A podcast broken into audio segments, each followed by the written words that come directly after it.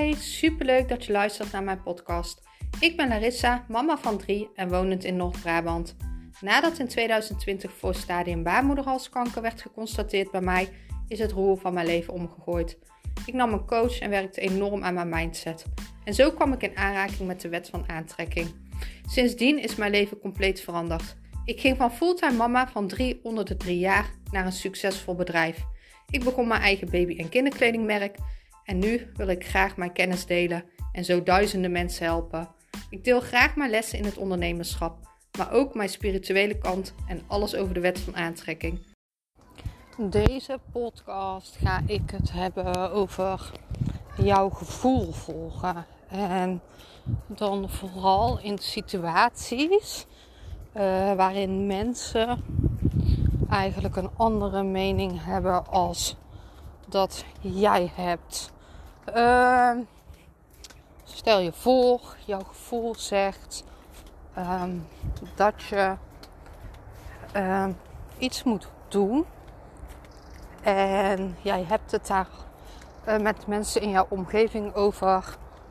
En eigenlijk iedereen ehm, wilt jou dan advies geven. Hè? Van ja, maar kan je het dan niet beter op deze manier doen? Of hè, neem je niet te veel hooi op je vork? Um, en die mening mag er natuurlijk zijn. Maar hoe, uh, hoe laat jij je daardoor beïnvloeden? Laat je je daardoor beïnvloeden? Want uh, vaak is die mening een beperkende overtuiging van die persoon zichzelf. En je laat je dan misschien tegenhouden door iets wat helemaal niet nodig is, maakt niet uit. en um, ja, dat, dat, dat, dat is dan zonde. Want doordat diegene dus hun um, grens aangeeft, hè, um, laat jij je misschien tegenhouden. En wat ik dan wil dat je onthoudt, hun zeggen dit omdat hun het misschien niet kunnen.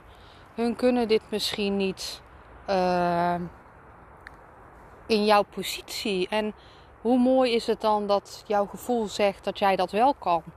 En ga je dan naar mensen luisteren die zeggen dat je het niet kan? Dus laat jij je dan tegenhouden door de mening van een ander, omdat die ander denkt dat je het misschien anders moet doen?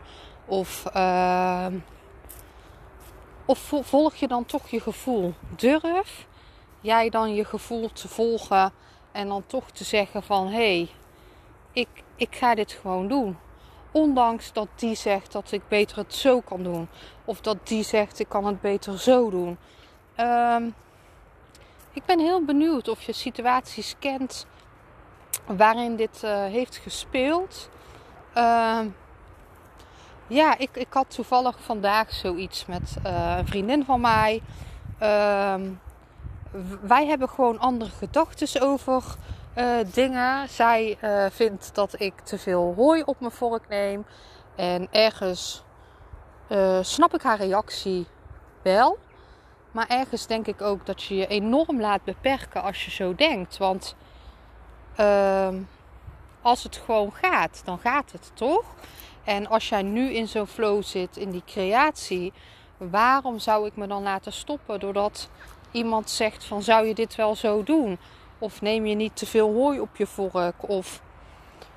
En hoe belangrijk is het dan om terug te gaan naar mijn gevoel? Hè? Ik, ik zeg het al vaker, volg je gevoel. Jouw gevoel weet de weg. En jouw gevoel klopt. En iedereen mag een mening hebben en iedereen mag hun advies geven. Maar laat het je niet weerhouden, want jouw gevoel weet de weg. Jouw navigatiesysteem, dat is de snelste route. Dat is jouw gevoel. Dat is de snelste route naar jouw doelen en dromen. Dus die moet je volgen. Ik ben super benieuwd naar jou of jij dat in zulke situaties uh, kan. Uh, om toch uh, achter jouw gevoel aan te gaan. Ehm, ja, laat het me weten. Ik ben super benieuwd.